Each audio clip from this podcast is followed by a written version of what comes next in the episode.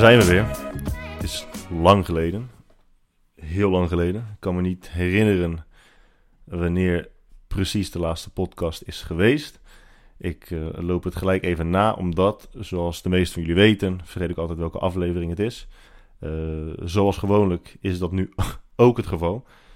Dus ik ga eens even kijken. Het is vandaag aflevering 48. Uh, aflevering 47 heb ik opgenomen in maart. Nee, sorry. Uh, april zie ik. 30 april. Dus dat is al even geleden. Dat is zes maanden geleden. Um, dat, heeft, dat heeft natuurlijk zijn redenen. En die reden is niet beperkt tot corona alleen. Je kunt er tegenwoordig ook niet meer omheen. Het maakt niet uit waar je komt, met wie je in gesprek gaat. Vrijwel elke zin begint tegenwoordig met: Ja, meneer, in verband met corona. Ja, dat begrijp ik inmiddels wel. Volgens mij is dat een van mijn punten geweest ook in, in april. Dat dat nu best overbodig is om te zeggen. Dat als je een dienst verleent of een product verkoopt en je kunt je simpelweg gewoon niet meer houden aan de beloftes die je voor deze pandemie hebt gemaakt. Uh, hoe is het inmiddels overbodig om te zeggen, overbodig om te zeggen dat dat in verband met corona nu zo is? Maar goed, blijf je daar vooral, uh, uh, blijf dat vooral doen als je je daar, daar prettig bij voelt. Ik heb lang, nee, dat ga ik niet zeggen omdat ik wil voorkomen dat ik overkom als een van die uh, fit girls die om het minste of geringste al hun uh, zogenaamde kwetsbaarheid willen tonen. Zo wil ik niet overkomen. Ik heb niet lang getwijfeld of ik deze podcast zou opnemen. Ik heb wel getwijfeld over wanneer het goede moment zou zijn om deze podcast op te nemen. Uh, en zoals met heel veel dingen in het leven kom je erachter dat er eigenlijk geen goed moment voor is ik ga mezelf ook niet toelaten om um, alle details te delen. Zowel om privacyredenen als om het feit dat, het andere mensen, uh, dat andere mensen bij betrokken zijn geweest. Daarnaast wil ik ook voorkomen dat ik berichten ga ontvangen die um, bedoeld zijn om medeleven en medelijden te uiten dat kuchje was overigens geen corona. Ik stel, ik stel medeleven op prijs, maar het is, het is niet, niet nodig, absoluut niet. Um, je komt er ook niet heel ver mee. Althans, het ligt een beetje aan de problematiek die er is. Maar volgens mij heb ik daar in mijn vorige podcast ook over gehad. Dus ik, ik val daar even op terug. Als het gaat om het, het, het, het, ontwikkelen, het opbouwen van een bepaald wereldbeeld, een volledig wereldbeeld, um, heb je bij, beide uiteindes van het spectrum nodig je moet weten wat uh, goed is, wat echt, echt goed is en wat dat inhoudt en hoe dat voelt en op welke manier je dat kunt ervaren en op welke manier je dat in je leven kunt introduceren en behouden. Maar je hebt ook de andere kant nodig. En de andere kant is lastig, omdat, zoals ik dus in aflevering 47 ook kort besprak, de slechte kant is heel moeilijk om op een kunstmatige manier na te bootsen. Uh, het is heel moeilijk om een uh, zware chronische depressie op een kunstmatige manier na te bootsen. Het kan, maar om dat te behouden, zeker over de jaren heen, is nagenoeg onmogelijk op een kunstmatige manier. Um, al is het maar voor even, overigens. Dat, dat is nog steeds, want het, de negatieve kant van het spectrum gaat pas aan je knagen en gaat pas een bepaalde negatieve invloed krijgen op wie je bent en hoe je jezelf door de wereld draagt, als het lang genoeg duurt. Uh, dat is overigens ook zo met de, positieve kant van het spectrum. Alleen met de positieve kant, mensen, wij mensen zijn heel goed in onszelf dingen wijsmaken, dingen goed praten, dingen rechtvaardigen. Dus onszelf ook het idee geven dat het uh, goed met ons gaat. Ehm nou goed, eh, het is, het is, ik heb er in het verleden al vaak over geschreven. Uh, het onderwerp depressie. Daar staan meerdere uh, blogposts, meerdere posts over op mijn, op mijn blog. dat is iets wat bij mij al, al jarenlang speelt. En met jarenlang bedoel ik zeker wel een jaar of 15 à 20.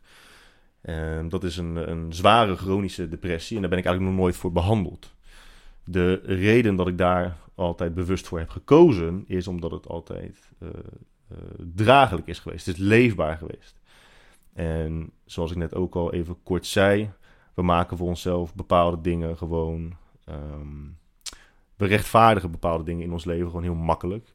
En we vinden onszelf hele rationele wezens en denken dan ook dat alles dat we zeggen en dat we doen, dat het allemaal rationeel van aard is. Maar niets is, niets is minder waar. Zo ook bijvoorbeeld in mijn geval met depressie.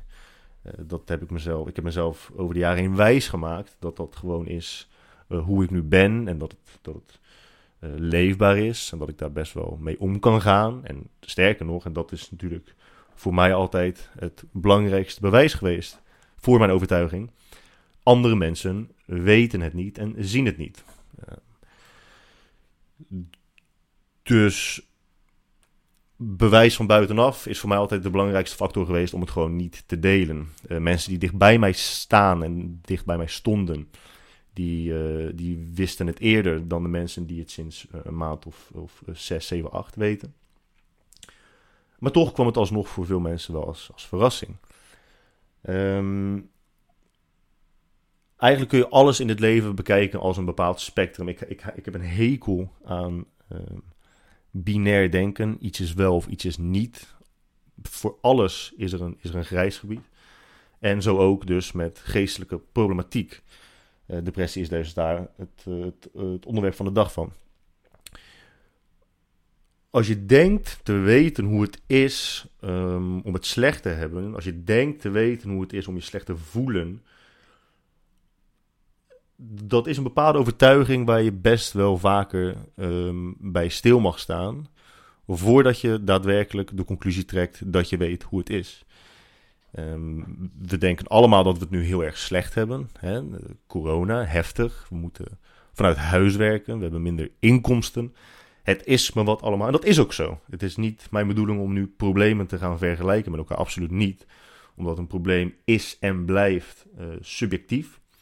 Uh, en de een, kan, uh, de een kan drie volledige dagen werken als ontzettend uitputtend, en deprimerend uh, beschouwen en ervaren. En de ander heeft het dus helemaal niet. Het ligt gewoon maar aan je belastbaarheid, aan je referentiekader, et cetera. Dus het is niet mijn bedoeling om, om problemen te, te vergelijken met elkaar. Het enige wat ik nu doe, is mijn eigen beleving een beetje omschrijven.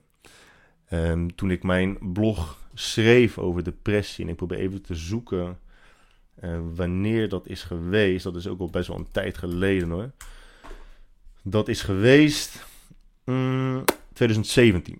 Uh, de titel van dat, van dat artikel is Verdrinken, maar iedereen om je heen zien ademen. Toen ik in 2017 uh, door mijn depressie heen ging, en nogmaals, dat, dat was toen al heel lang het geval. Je merkt over de jaren heen dat het een, een, een een, een neergaande, neerwaartse spiraal is. En op dat moment beschreef ik het dan ook als uh, het gevoel dat je verdrinkt terwijl iedereen om je heen ziet ademen. En op dat moment denk je ook echt dat je, dat je het slecht hebt. Hè? Dan denk je ook wel van, dit is, dit is heel heftig, dit gun je niemand. Um, maar je hebt het idee dat je dus tegen het uiteinde van het spectrum uh, gaat zitten. Dat, dat heel veel slechter zou het niet kunnen gaan. Dat is een, een, een stukje zelfdeceptie geweest. Want over de jaren heen ging het, ging het wel slechter. Um, uh, op dat punt beschreef ik het ook als. Ik weet niet wie het is, uh, welke, um, welke psycholoog spreekt over subpersoonlijkheden. Alleen als je kijkt bijvoorbeeld naar verslaving, uh, dan zegt men, of dan zijn er mensen die het op die manier omschrijven, dat je een, een subpersoonlijkheid ontwikkelt. Er ontstaat een andere versie van jezelf binnenin jou die uh, de regie overneemt. Dat heb je in het begin niet door, maar stap voor stap voor stap voor stap is dat wel het geval. En die subpersoonlijkheid, de verslaafde versie van jezelf, die neemt zodanig de regie in handen dat je uh, het niet eens door hebt dat je bepaalde keuzes maakt en bepaalde dingen doet of zegt om uiteindelijk die verslaving in stand te kunnen houden. Uh, zo is het ook met, met depressie. Uh, alleen is het in plaats van een subpersoonlijkheid, is het een soort zwart gat. En je merkt gewoon dat het, dat het in je groeit en alles om je heen op begint te slokken. Uh, dat ervoer ik in het begin altijd alleen maar als um, dat delen van mezelf erin verdwenen. Alleen naarmate het nog slechter en slechter en slechter met je gaat, voel je dus ook dat het gewoon dingen om je heen weg begint te nemen. En dat het daadwerkelijk uh, aantoonbare invloed begint te krijgen op de externe, op de fysieke wereld om je heen. Uh, dus zo zie je, zo merk je stap voor stap dat het toch wel ergere vormen begint aan te nemen. Op dat punt denk je, nou ja, weet je, uh, ik dacht voorheen dat het, Je kunt het ook zo zien, je kunt het ook omdraaien. Je hebt heel vaak um, het idee dat je nu op een leeftijd bent beland, of op een punt bent be beland in je leven, dat je wel weet hoe het, hoe het zit, dat je het wel uit weet te leggen, dat je, dat je het allemaal een stuk meer begrijpt dan heel veel mensen om je heen. Hè, en als je dan terugdenkt aan hoe je vijf à tien jaar geleden was, dan is dat natuurlijk helemaal uh, het bewijs dat je nu zoveel groei hebt doorgemaakt. Maar over tien jaar kijk je terug op het nu en dan denk je, Jezus, wat, wat, waar zat ik toen met mijn hoofd? Wat, dacht ik in godsnaam? Ik, ik heb het idee dat het op een gegeven moment wel stopt, of in ieder geval minder wordt. Uh, ik heb niet het idee dat je constant exponentiële groei door zult maken in je, in je eigen ontwikkeling, in je zelfontwikkeling. Uh, dus dat, uh, dat de afkeer voor de persoon, of de, de afkeer is niet het goede woord, de humoristische manier waarop je terugkijkt op de versie van jouzelf tien jaar geleden, dat dat dan wel afneemt, dat je daar steeds minder om kunt, om kunt lachen. Uh, maar de negatieve kant is dus hetzelfde. Als je dan terugkijkt en uh, op dat moment, op, achteraf, kun je pas echt een goede inschatting maken van hoe het er toen allemaal uh, bij stond. En dat het eigenlijk relatief best wel goed was met het punt waar je nu bent, bent beland. Dat was bij mij dus, dus ook het geval. Um, op een gegeven moment kom je op een punt dat um, je uitvlucht gaat zoeken. Uh, mensen met depressie het, het, het grootste probleem is in je eigen hoofd leven. Je, je vergeet op een gegeven moment dat je onderdeel bent van de wereld. En dat je dus ook in de wereld om je heen moet leven. Je moet je bevinden in de wereld om je heen. Maar in plaats daarvan kies je altijd voor uh, in jezelf keren. Dus je begint steeds meer in je eigen hoofd te leven.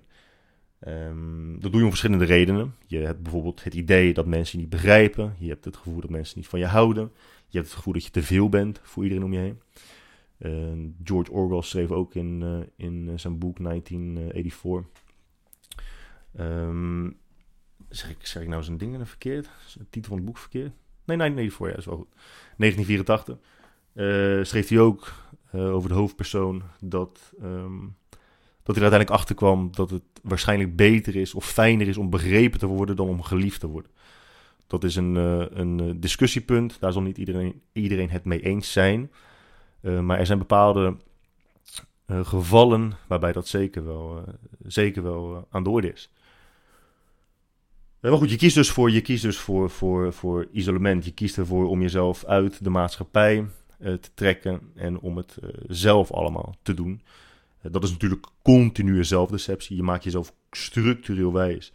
Dat als je nou nog één dag langer thuis blijft, als je nog één week langer tijd voor jezelf hebt, als je nou nog één dag langer uh, vakantie zou nemen, uh, één dag langer tot rust komt, dat het dan allemaal wel goed komt.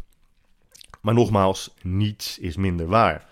Maar doordat zelfdeceptie zo verschrikkelijk sterk is, zeker als je al zoveel ervaring hebt met het zelf doen, gaat het onnodig veel tijd overheen.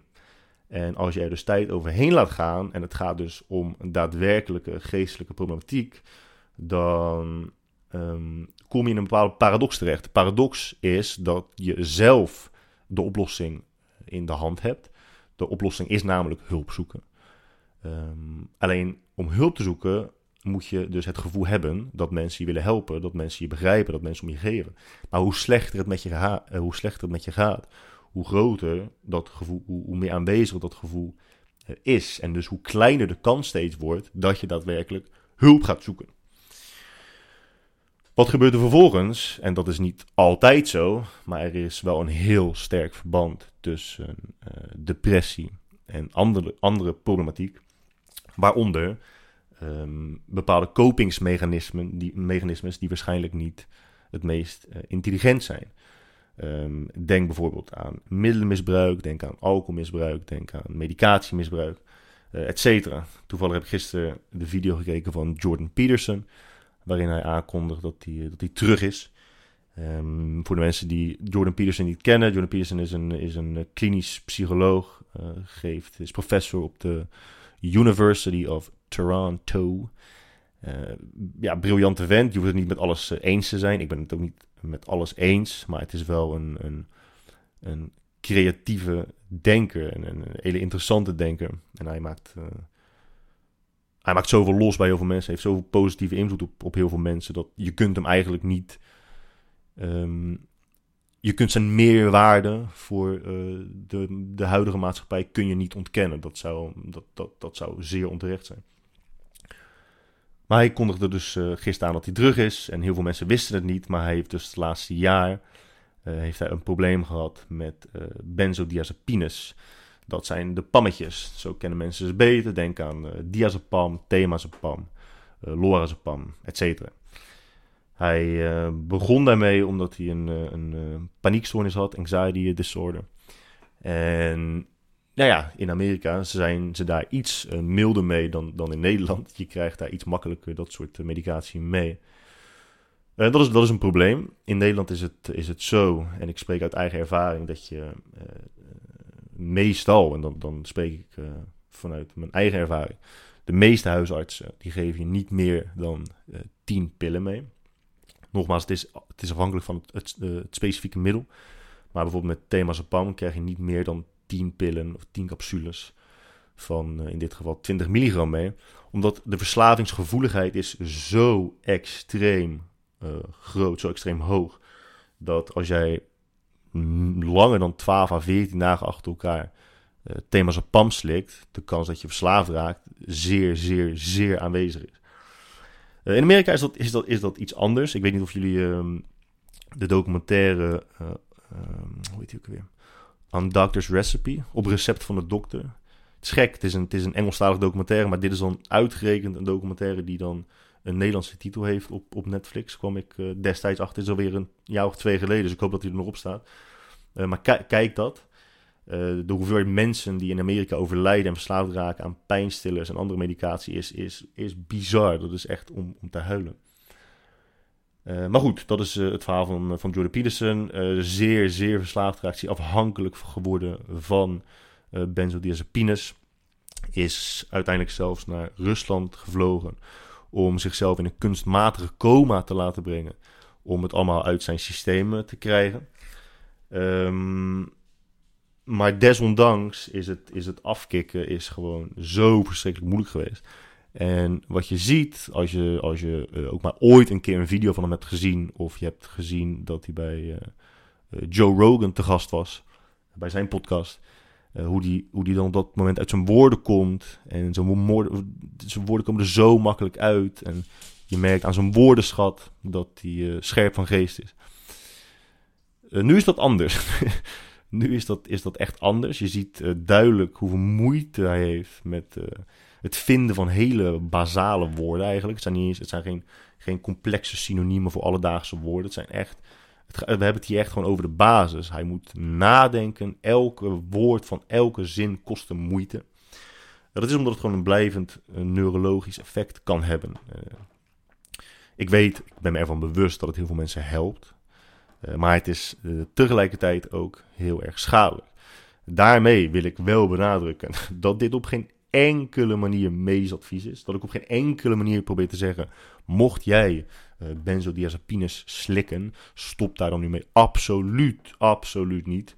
Luister vooral en altijd naar je, uh, naar je, uh, naar je arts. Um, maar goed, het punt is dat, dat, um, dat er bestaat een kans dat het, dat het blijvende, blijvende schade achterlaat. het is zelfs zo, en volgens mij heb ik hem dat ook horen zeggen in een van zijn podcasts laatst. Uh, dat hij er middenin zat, dat het bij sommige mensen uh, averechts kan werken. Um, terug naar mijn uh, vorige punt waar ik gebleven was. op een gegeven moment beland je dus op het punt dat je denkt te weten hoe slecht het met je gaat. En dan denk je dat het niet meer slechter kan gaan. Dus zoek je naar isolatie. Je, je, zoekt naar een manier om te vluchten. Ehm, wat ik net zei, het grootste probleem is leven in je eigen hoofd in plaats van leven in de wereld om je heen. En je bent al uit de wereld om je heen gevlucht. Vervolgens uh, ben je dus alleen, structureel alleen, al is het maar gevoelsmatig, met je eigen gedachten. Het is moeilijk om daarvan te vluchten. En dat zei ik net ook al. Dan uh, zoek je naar een manier om daarmee om te gaan. Uh, dat werd bij mij iets te veel, waardoor ik in uh, februari van dit jaar een vermoedelijke psychose kreeg. Waarom ik vermoedelijk zeg, is omdat het gaat nogmaals om geestelijke problematiek. En het is heel moeilijk om exact te constateren wat er precies is gebeurd. Want je, je bent beperkt, zoals met heel veel dingen, door de Nederlandse taal. Dan heb je ook nog. Um, heb je ook nog te maken met individuele interpretatie van je behandelaar. Dus uh, om het iets duidelijker te zeggen, mij overkomt iets, er gebeurt iets met mij. Dat was voor mij nieuw, dat was voor mij onbeschrijfelijk. Dan moet ik, ondanks dat het onbeschrijfelijk is in woorden, moet ik dat verbaal overdragen aan iemand die ik niet ken, die mij niet kent. Dus die kan mij ook nog niet goed inschatten. Die weet niet of ik misschien uh, een, een, een hypochonde ben. Die weet niet wat ik wel en niet heb meegemaakt. Die weten dat gewoon niet. Dus die moeten op basis van een korte omschrijving wat je hebt meegemaakt, kunnen concluderen wat het wel of niet is geweest. En dat is moeilijk. Dus uh, het is nooit met zekerheid gezegd. Maar uiteindelijk hebben ze het, uh, hebben ze het een, een psychose genoemd.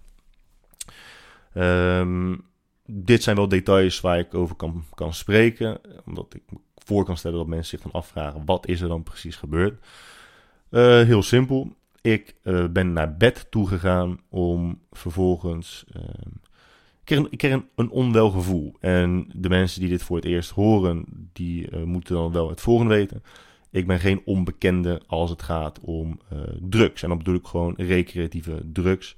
Um, ik heb geëxperimenteerd met verschillende middelen. Daar uh, schaam ik me niet voor. Ik heb niet het idee dat dat een negatief uh, beeld voor mij uh, afgeeft. Ik heb niet het idee dat dat een negatieve impact he heeft op mijn business. als dat wel het geval is, dan is dat zeer spijtig. Maar ik ben liever geen onderdeel van het maatschappelijke toneelstuk dat we vaak opvoeren. Eh, de kans dat jij uh, je collega's of je werkgevers of je neefjes en nichtjes die uh, misschien net 18 zijn tegenkomt terwijl ze zes pillen in hun mik hebben, is groot en wordt ook steeds groter die kans. Dus ik ga niet doen alsof ik daar niet ook een onderdeel van ben geweest in het verleden. Dus ik weet hoe het is om een vervormde, um, een vervormde versie van um, de realiteit om je heen te ervaren. Ik weet hoe het is om, dronken te zijn, eh, behoorlijk dronken. Um, maar ik ging liggen en dit was een ander, het was echt een ander gevoel. Uh, ik kan nogmaals niet benoemen waarom, maar het is dus gevoel. Het is niet echt feitelijk uit te drukken.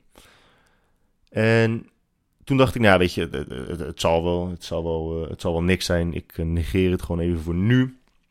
Maar toch bekroop me steeds meer een, een, een nou, nogmaals, onprettig en onbeschrijfelijk gevoel.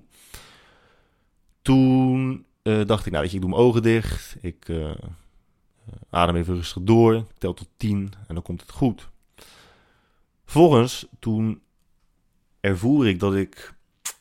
Uh, weet je, als je net in een... Als je, als je het heel koud hebt en je, je stapt net je bed in en je bed is koud en je je vroet jezelf zo lekker in je matras. Dat je denkt, oh, ik leg zo lekker. En je, je beweegt met de, met, met de zolen van je voet over het matras. En je handpalmen. Dat je denkt, oh, ik, lig zo, zo lekker. Dat, dat gevoel van genot. Maar dat je daar ook fysiek naar handelt. Uh, dat, dat gevoel had ik. Dat ik dat deed. Maar wat, het bleek dus dat ik dat, dat ik dat niet deed. En dat ik dus gewoon vast zat aan mijn matras. Terwijl ik wel in elk opzicht het idee had dat ik aan het bewegen was. Toen dacht ik, oké, dit, is, dit, is, dit is heel gek, dit is, dit is heel vreemd, aangezien ik gewoon nuchter ben. Uh, dus dit zou niet moeten gebeuren. En toen, eigenlijk voor het eerst, als er één ding is waar je op kunt rekenen, zijn dat je eigen gedachten. Um, nogmaals, om even terug te komen op, op drugs of op alcohol. zelfs als je, als je kijkt naar medicatie, zelfs als je kijkt naar bijvoorbeeld uit narcose komen, vaak het eerste wat je hebt en soms wat nooit weggaat, zijn je eigen gedachten. En mensen denken op verschillende manieren. Daar heb ik een keer een gesprek, mee, een gesprek over gehad met, met Jelmer. Mensen denken op verschillende manieren, maar de meeste mensen horen in ieder geval hun eigen stem in hun hoofd. Um, dus daar bouw je op, daar vertrouw je op dat je eigen stem er altijd is. En zeker als je dus iemand bent zoals ik, die dus snel neigt naar keren in jezelf en uh, helemaal afhankelijk worden van je eigen gedachten, uh, is het eng als die opeens verdwijnen. Dus dat letterlijk je bewustzijn gewoon verdwijnt. En nog erger wordt het als je dus een nieuwe stem in je hoofd hoort die zegt: Jij gaat een paniekaanval krijgen. Uh, dat, was voor mij, dat was voor mij nieuw. Um, ik, begon, ik begon te trillen. Ik begon ongecontroleerd te trillen. En mijn partner die lag naast mij. En omdat ik haar geen. Uh, ik wilde niet dat het voor haar. Ik, wist dat het zorgwekkend was, maar ik wilde haar niet direct wakker maken en meenemen in mijn zorgen dacht ik, joh, ik sta even op en ik loop even rustig naar de badkamer. Maar toen ik opstond, met benen die, die begaven het al bijna. Dus met heel veel pijn en moeite kon ik mezelf naar de badkamer toe krijgen. Um, daar begon ik zo verschrikkelijk hevig te trillen dat ik dacht, nou, dit, dit is een epileptische aanval. Ik weet niet wat het is, maar het is gewoon, het is niet goed. Er klopt iets echt niet. Um, toen wilde ik haar roepen. En ik probeerde dat een aantal keren, maar mijn mond wilde, mijn mond wilde niet. Dus mijn gedachten uh, kwamen af en toe. Alleen mijn mond die volgde niet. Dus ik kon niks uitspreken. Dus elke als ik dacht, oké, ik moet roepen naar haar. Ik moet haar wakker maken. Dan kwam het stemgeluid pas 30 seconden later. Uh, dus dan neemt frustratie toe. Dan neemt angst toe. Uh, trillen werd heviger en heviger en heviger. Waardoor ik op een gegeven moment op de grond ben gevallen. ik verloor gewoon controle over mijn benen. Op dat punt was mijn partner wel al wakker geworden. En ik zei alleen tegen haar dat het echt niet goed gaat. Maar omdat zij net wakker was en omdat ik het zo stoïcijns bracht naar haar, dacht zij dus dat het, dat het niet iets heel ergs zou zijn. toen ik mezelf dus, toen ik viel op de grond en mezelf op moest trekken aan de rand van, van het bad, de rand van het bad, sorry, mijn hoofd onder de kraan, onder de koude kraan hield. Om alleen maar te merken dat het gewoon echt helemaal niets deed. Toen dacht ik, nou weet je wat het is? Het is gewoon een paniekaanval. Ik geef dit een plek. Het komt wel weer goed. Uh, ik merkte ook wel dat het iets, iets beter werd. Zeker toen ik op een gegeven moment uiteindelijk weer naar bed werd gebracht. Dacht ik, oké, het ergste is nu geweest. Het is klaar. Helaas wist ik niet dat toen pas eigenlijk het, het ergste begon. Want het was alsof iemand een stofzuiger tegen mijn brein aanzette. En ik was gewoon, ik was gewoon weg. Ik was gewoon echt weg. Ik verloor mijn bewustzijn. Um, ik weet niet meer wat er gebeurde. Uh, mijn partner zei dat ik uh, echt alleen maar heel eng uit mijn ogen aan het kijken was. Ik wist niet meer wat echt was. Ik wist niet meer wat, wat ik dacht. Ik wist niet of ik in een nachtmerrie zat. Um, mijn, mijn grip op de realiteit was helemaal verdwenen. Af en toe kwam ik bij, alsof ik uit een soort van nachtmerrie wakker schrok. Maar ik was al wakker, alleen had ik niet het gevoel dat ik wakker was.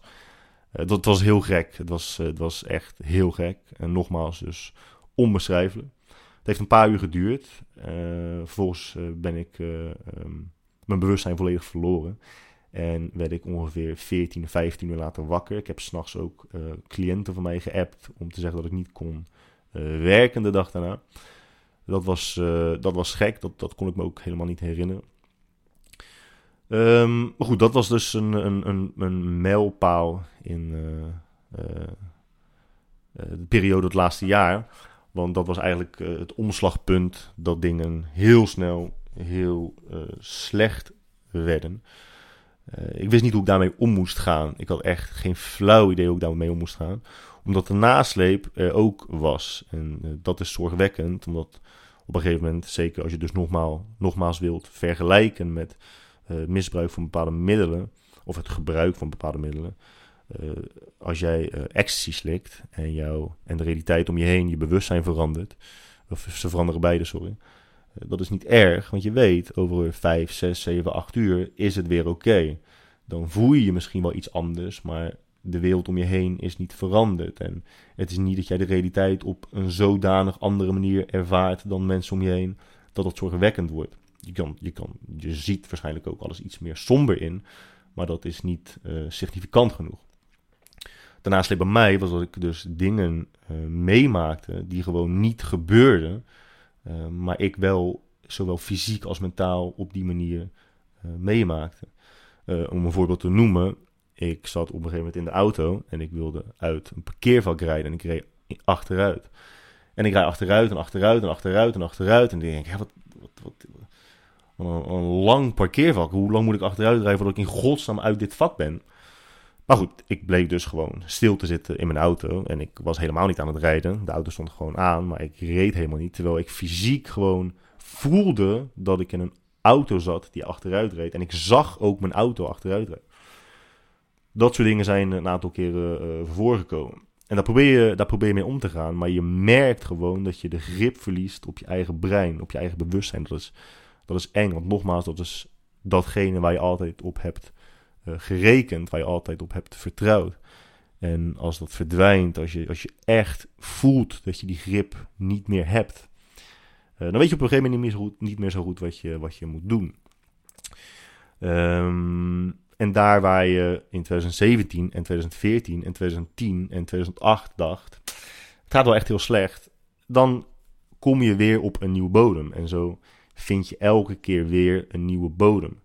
Uh, dan zoek je manieren om jezelf te verdoven. Uh, dat gaat een bepaalde periode uh, oké. Dat is dan een nieuwe manier van omgaan met de situatie. Vervolgens zoek je manier om niet te verdoven, maar om juist weer iets te voelen.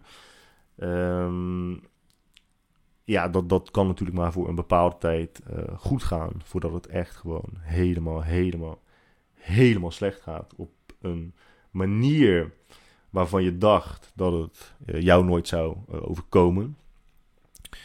Um, ik vind mezelf ver, verre, verre van intelligent. Maar ik denk wel dat ik mm, genoeg heb meegemaakt en genoeg heb ervaren. Of in ieder geval genoeg nadenk over dingen.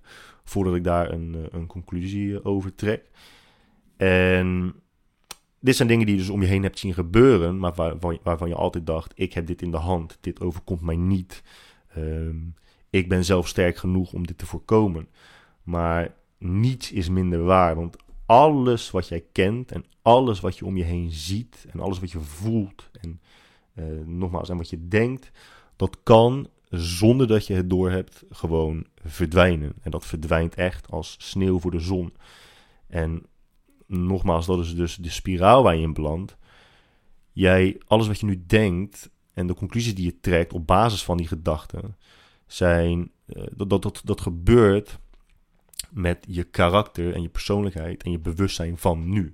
Op het moment dat het goed met je gaat heel simpel voorbeeld. Als jij ruzie hebt en je zit hoog in je emotie, dan zeg je dingen of denk je dingen waar je later misschien spijt van hebt. Dat is gewoon op dat, op dat punt verandert de wereld om je heen door de emoties die je ervaart.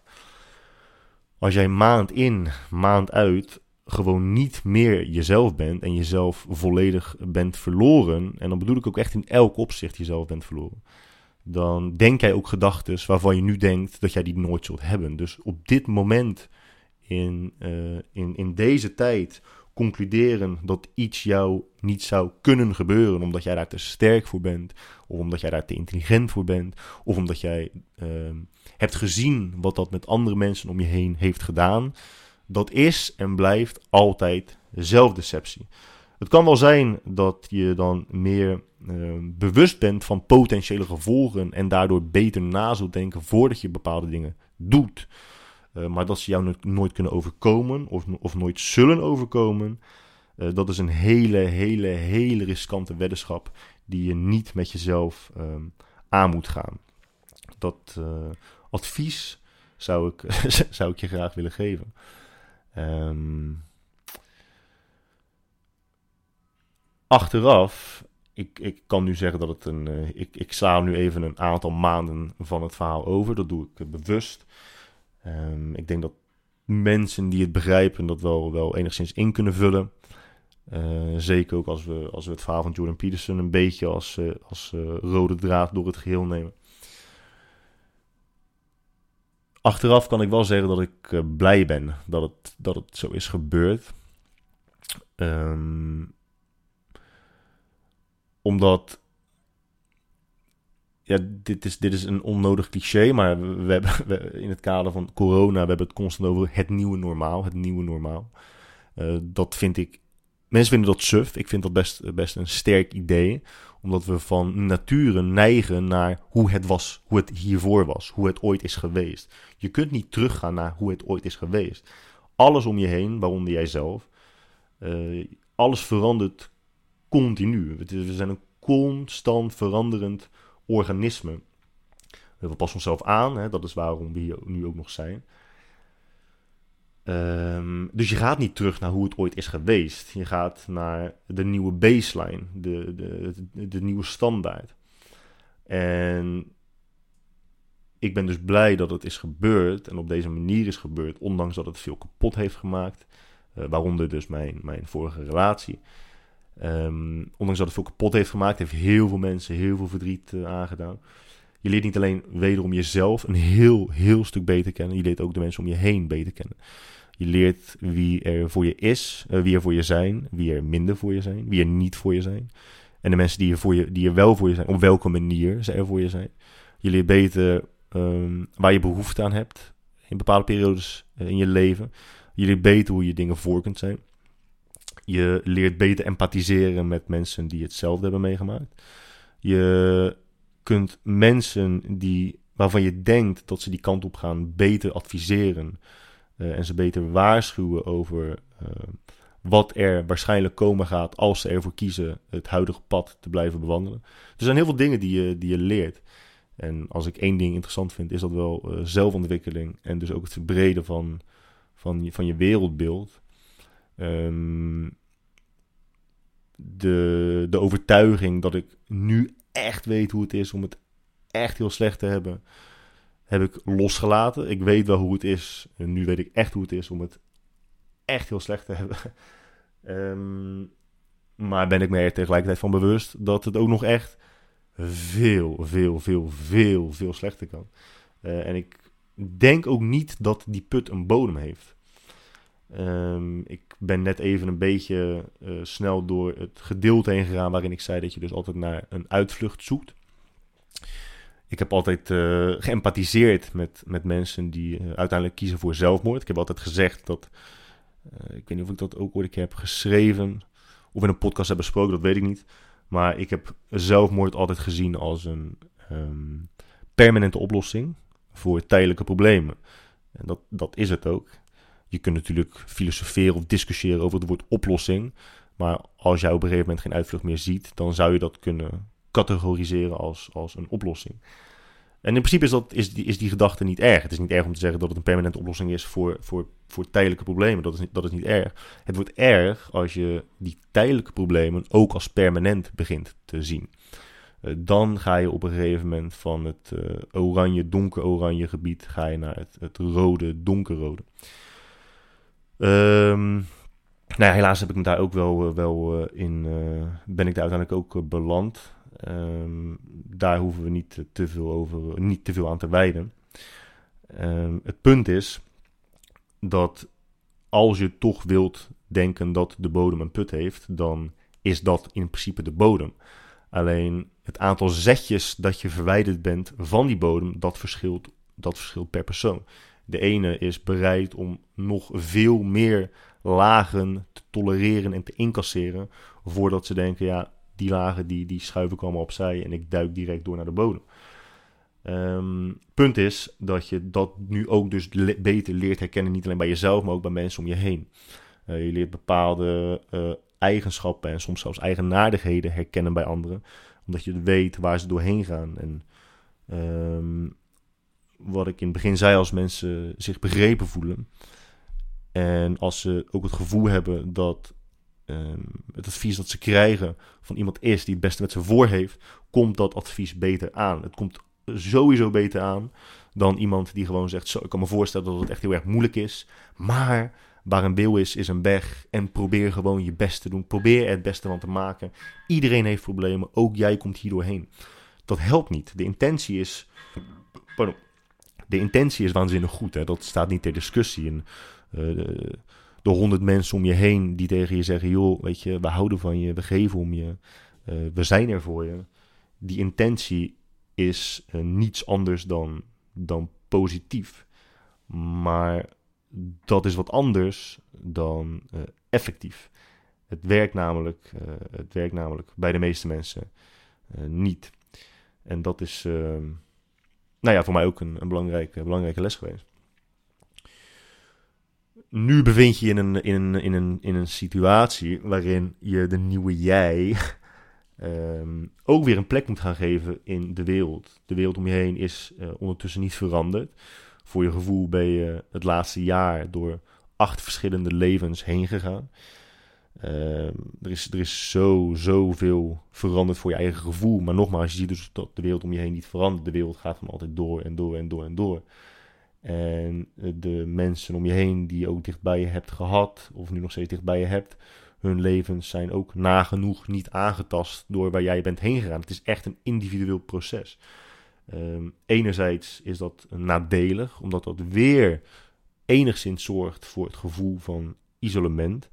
Uh, anderzijds herken je dat nu, dus kun je dat ook bewust, meer bewust um, uh, opzij schuiven, opzij zetten. En het negeren en niet weer uh, die gedachten structureel toelaten in je leven. Maar desalniettemin moet je het wel de nieuwe jij een plek geven in deze wereld. En dat is, dat is lastig. Dus met de kennis die je hebt, um, toch weer het alledaagse leven oppakken. Uh, ja, nogmaals, dat is, dat, is, dat is lastig, maar tegelijkertijd ook interessant. En uh, wat ik net zei, het nieuwe normaal, de nieuwe jij, de nieuwe ik, uh, is sterker dan, sterker dan voorheen, sterker dan ooit. Heel veel wijze, wijze lessen uit kunnen halen. Je wordt over de jaren heen ook steeds meer volwassen, hoop ik. Steeds meer wijs, hoop ik. En nou ja, uiteindelijk blijken heel veel uh, eeuwenoude clichés ook gewoon waar te zijn. Betekent niet dat ik, uh, dat, ik dat, uh, dat ik daar nu meer van ben gaan houden dan voorheen als het gaat om clichés uitspreken. Dus dat ga ik ook zeker niet doen. Maar ik kan me voorstellen waarom, waarom veel mensen zich daar wel aan vastklampen. Aan, aan bepaalde uitspraken die nogal cliché kunnen zijn. Clichés blijken vaak ook gewoon waar te zijn. En dat, ja, dat maakt het niet minder cliché, maar... dat is een beetje de reden dat ik eh, in heel veel opzichten afwezig ben geweest de laatste tijd, de laatste maanden. Tegelijkertijd speelt natuurlijk ook nog steeds eh, gewoon corona. Dat maken we allemaal gezellig met elkaar mee. dat soort dingen kunnen me nog steeds mateloos, mateloos irriteren. mensen die nu nog steeds constant naar kantoor gaan omdat ze niet thuis willen werken. Ja, die mensen begrijpen niet dat omdat zij keer op keer op keer op keer naar kantoor gaan met hun 30 uh, eh, andere EPO-collega's. Dat door hun nalatigheid. Uh, ja, het, het wordt gewoon niet beter. En door hun nalatigheid wordt de regelgeving ook zodanig aangescherpt dat ondernemers er uiteindelijk de meeste last van hebben. nu bijvoorbeeld als je als uh, zelfstandig ondernemer werkzaam bent, de enige tegemoetkoming die je kunt krijgen is dat je inkomen wordt aangevuld tot de bijstandsnorm. Heb ik het even niet over mensen die in de horeca zitten of bedrijfsfinanciering nodig hebben. Als jij gewoon uh, bijvoorbeeld één of twee opdrachtgevers hebt en je factureert ze en die verdient boven de bijstand, dan kun je verder geen, geen uh, tegemoetkoming of geen uh, premies. Nee, sorry, ik ben even afgeleid door mijn telefoon. kun je geen uh, bijstand krijgen. Het enige wat ze doen is dus als jij dus 800 euro verdient per maand, dan wordt dat aangevuld tot aan de bijstandsnorm. Maar goed, als jij 3000 euro lasten per maand hebt, uh, vaste lasten, zakelijke vaste lasten, ja, dan ben je best wel, uh, best wel de lul. Tenzij het dus gaat om, om, om, om, salarissen, die onderdeel kunnen zijn van je uitgaven. Maar goed, we blijven dus tegelijkertijd allemaal uh, lekker naar het werk gaan. Lekker de werkvloer op. Hè? Want waarom zou jij thuis zitten? Waarom zou je thuis gaan? Ik heb daar kort over gepost op, uh, op Instagram. Mensen beseffen zich niet dat ze dus klagen om het feit dat ze thuis moeten zitten. Omdat hun Weet je, weet je wel hoe vervelend het is als je drie kinderen hebt en die constant aan je kop zeuren? Kan, zo kan je toch niet werken? Dat begrijp ik. En ik begrijp ook dat het iets meer, nuan, iets meer genuanceerd is dan alleen maar ik wil niet thuis zitten. Ik snap het, want thuis zitten kan met bepaalde, dat kan bepaalde nadelige gevolgen hebben. Je kinderen als reden gebruiken vind ik, vind ik buitengewoon schandalig. Uh, nu is het natuurlijk zo dat er heel veel mensen zijn die sowieso nooit kinderen hadden moeten krijgen. Je moet godverdomme een, een, een certificaat halen, een diploma halen als je een scooter, op een scooter wilt zitten. Maar als je een kind wil krijgen, dan kun je jezelf gewoon vol laten blaffen en 14 kinderen op, uh, op deze wereld zetten. Terwijl je zelf net het verschil tussen links en rechts weet. Ja, dat is, dat is zorgwekkend, maar goed, dat is wel onderdeel van de realiteit. Uh, dat had je best wel kunnen inschatten toen je, toen je kinderen kreeg. Dat kinderen druk kunnen zijn en dat ze aan je kop kunnen zeuren en dat werken dan best wel lastig is. Maar de meerderheid verziekt het wel voor uh, de minderheid. En het is gewoon fucking druk op de weg nog steeds elke dag. Je staat nog steeds gewoon in de file als je met spitstijd uh, de weg op gaat. Dus een heel groot deel blijft het wel gewoon verzieken voor een heel klein deel. En natuurlijk kunnen we het dan hebben over of de regelgeving wel terecht is. Daar gaat het nu even niet om, want we weten dat of het nu terecht is of niet, dat het daar alsnog heen gaat. De regels worden hoe dan ook aangescherpt, of jij het daar nou mee eens bent of niet. Dus met die kennis kun je bepaalde keuzes maken die dat wellicht of hopelijk in de nabije toekomst voorkomen. Um, je kunt natuurlijk ook gewoon tot je een onzweegt gaan discussiëren op Facebook en Twitter dat je het niet eens bent met de regels. Maar jouw Facebook-post gaat wat dat betreft niet heel veel verschil maken, vermoed ik zo. Daar kan ik uiteindelijk naast zitten, maar dat idee heb ik op dit moment in ieder geval wel. Uh, we hebben corona, we hebben ook nog even Black Lives Matter gehad. Dat vind ik ook zo mooi. Daar heb ik het ook al met Michael en, en Jelmer een keertje over gehad in een podcast. Dat mensen uh, niet alleen sensatiezoekers zijn, ze weten ook gewoon niet waar ze echt voor staan. Omdat als je echt, echt voor iets staat, dan bedoel ik echt, echt voor iets staan. Zoals bijvoorbeeld een Bill Gates echt voor iets staat. Echt een filantroop in, in hart en nieren is. Dan blijf je ook altijd voor datgene staan. Als jij echt, als jij jezelf echt bewust en actief in wilt zetten voor uh, het racisme tegen een bepaald, bepaalde ras, bepaalde afkomst, sorry dan een bepaald soort, ik ook, jezus, voor een bepaalde afkomst. Als jij jezelf daar echt wel voor in wilt zetten, dan moet je dat ook doen buiten die twee weken dat het een hip item is op social media. Want ja, dat, dat is toch zelfverlogening? Dat is, dat, is toch, dat is een compleet gebrek aan integriteit. Dat, het is nu hip, dus nu ga ik het over hebben. Ga ik van de daken afschreeuwen dat ik het ermee eens ben. Maar als het drie dagen uh, verleden tijd is, ja, dan hoor je mij er niet meer over. Want dan ben ik weer doorgegaan naar het volgende. Waar zijn nu alle mensen die zichzelf hebben ingezet voor de Gazastrook, voor Syrië, voor, voor, voor Libanon, voor uh, Parijs? Waar zijn nu alle anti-terreur mensen die daar zo op tegen zijn, dat ze zo, zich zo geroepen voelden om daar iets van te moeten zeggen? Waar, waar zijn die nu? Waarom zet je jezelf daar niet iedere dag of elke dag voor je? Um, los daarvan is het natuurlijk ook zo dat uh, social media geen een nieuwsoutlet is. Nu is nieuws over het algemeen niet altijd even betrouwbaar. Fake nieuws is een, is een serieus en ernstig probleem, vooral op social media. Maar mensen blaten alles ook maar zo, zo, zo simpel na. Met alle respect, ik, ik begrijp dat racisme bestaat. Ik ben zelf joods. Als jij denkt dat je als donker persoon uh, de enige bent die met racisme te maken krijgt, nou ja, uh, welcome to Judaism. Wij kunnen er ook wat van. Wij hebben daar ook echt wel pap van gereden. Maar dan krijg je dus van die, van die jankverhalen van mensen die dan zeggen... Ja, weet je, ik ben al, al heel mijn leven ben ik uh, racistisch behandeld. Toen ik op de basisschool was, uh, toen ik op de basisschool zat en ik was fucking zes... Toen werd ik al diklip genoemd. Luister, pikkenbaas, dat is geen racisme, omdat racisme inhoudt dat iemand met voorbedachte raad en bewust jou nadelig behandelt om je afkomst. Een kind van zes kan daar niet zo bewust mee omgaan. Die ziet gewoon iets wat opvalt.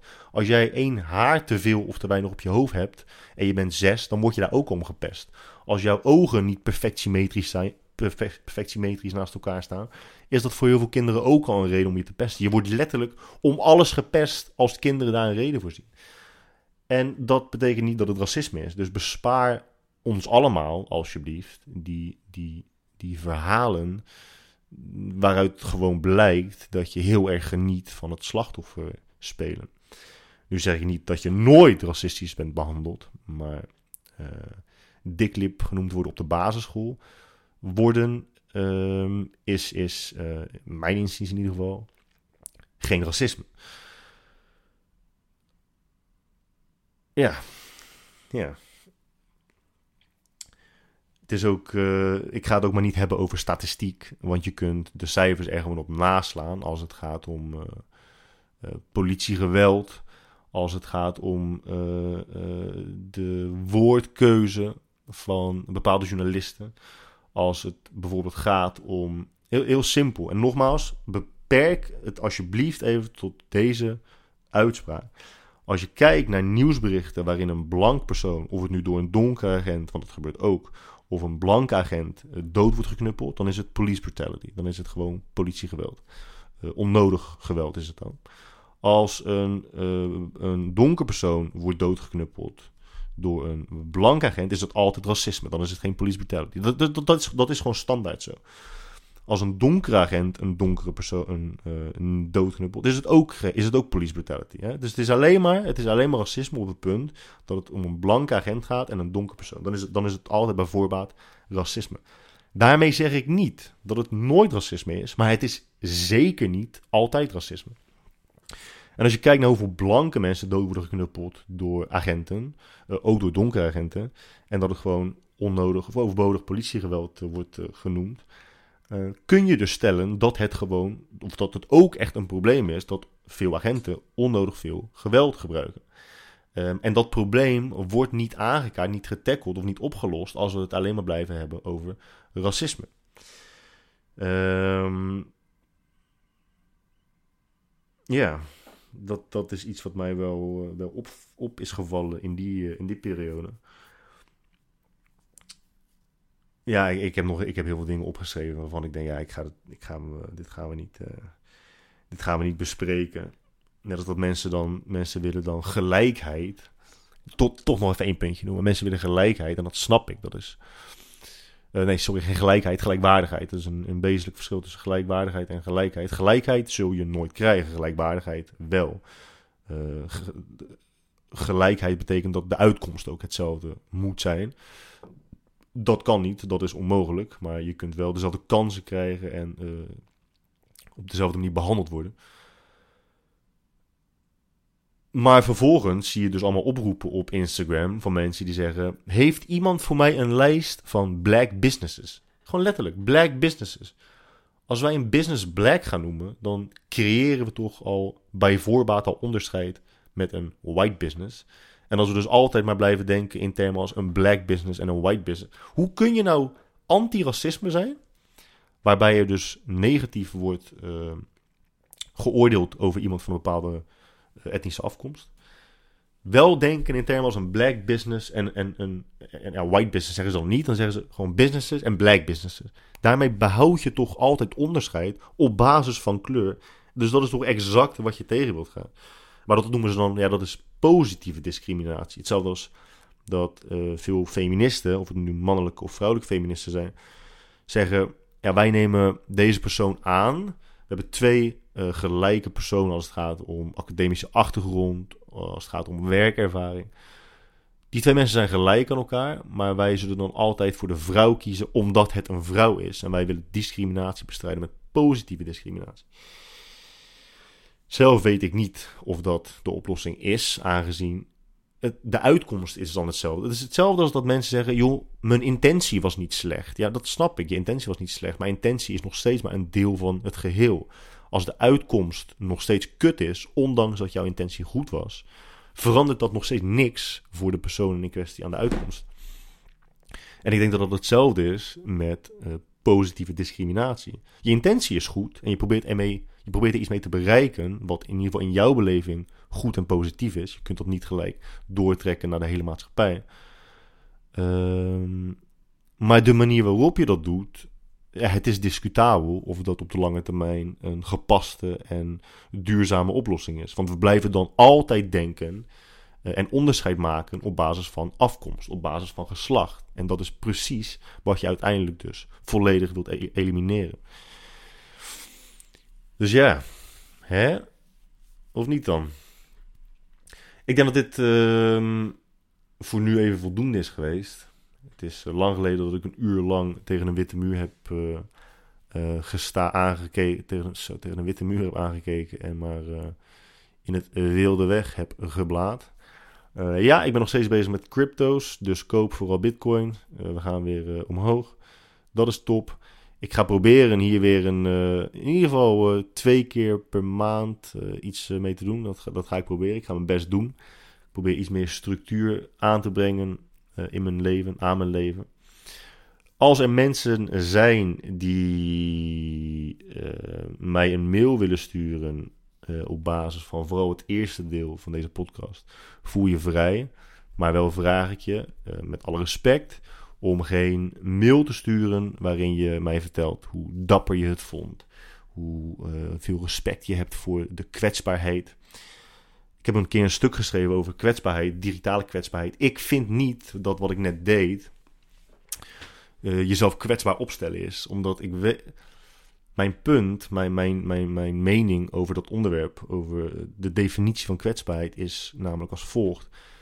Ik vind het pas kwetsbaarheid, of, of jezelf. Het is pas je, je kunt het pas jezelf kwetsbaar opstellen noemen op het moment dat de uitkomst, dat de reactie onzeker is. Dat je, dat je niet weet hoe het uit gaat pakken. Dat is echt jezelf kwetsbaar opstellen. Ehm, neem alle, alle, alle, alle, alle fit girls en, en influencers die dan 100.000 volgers hebben, waarvan 99.000 elk woord dat ze uitspreken uh, gelooft. Uh, die hangen naar je lip, het zijn je fans. Het maakt, je niet, het maakt ze niet uit wat je doet of zegt. Ze, Tenzij het natuurlijk echt extreme vorm aanneemt. Ze zullen gewoon jou blijven volgen omdat ze je gewoon een toffe baas vinden. Dus als jij dan zegt, ja, zo weet je, ik heb pukkels in mijn gezicht en ook, ja, ik was daar zo bang. Ik was zo bang om, eh, om, dat, eh, om dat te delen met jullie dat ik, een, eh, dat ik vandaag een pukkel op mijn wang heb. Dat is niet jezelf kwetsbaar opstellen, want je weet gewoon dat de meerderheid, het, het merendeel, zal niet denken, jezus, oh, gadverdamme zeg, heb jij zo'n gore pukkel op je bek uh, mogelijk. Zo denken mensen niet. En je weet, dat, je weet wat voor reacties je gaat krijgen.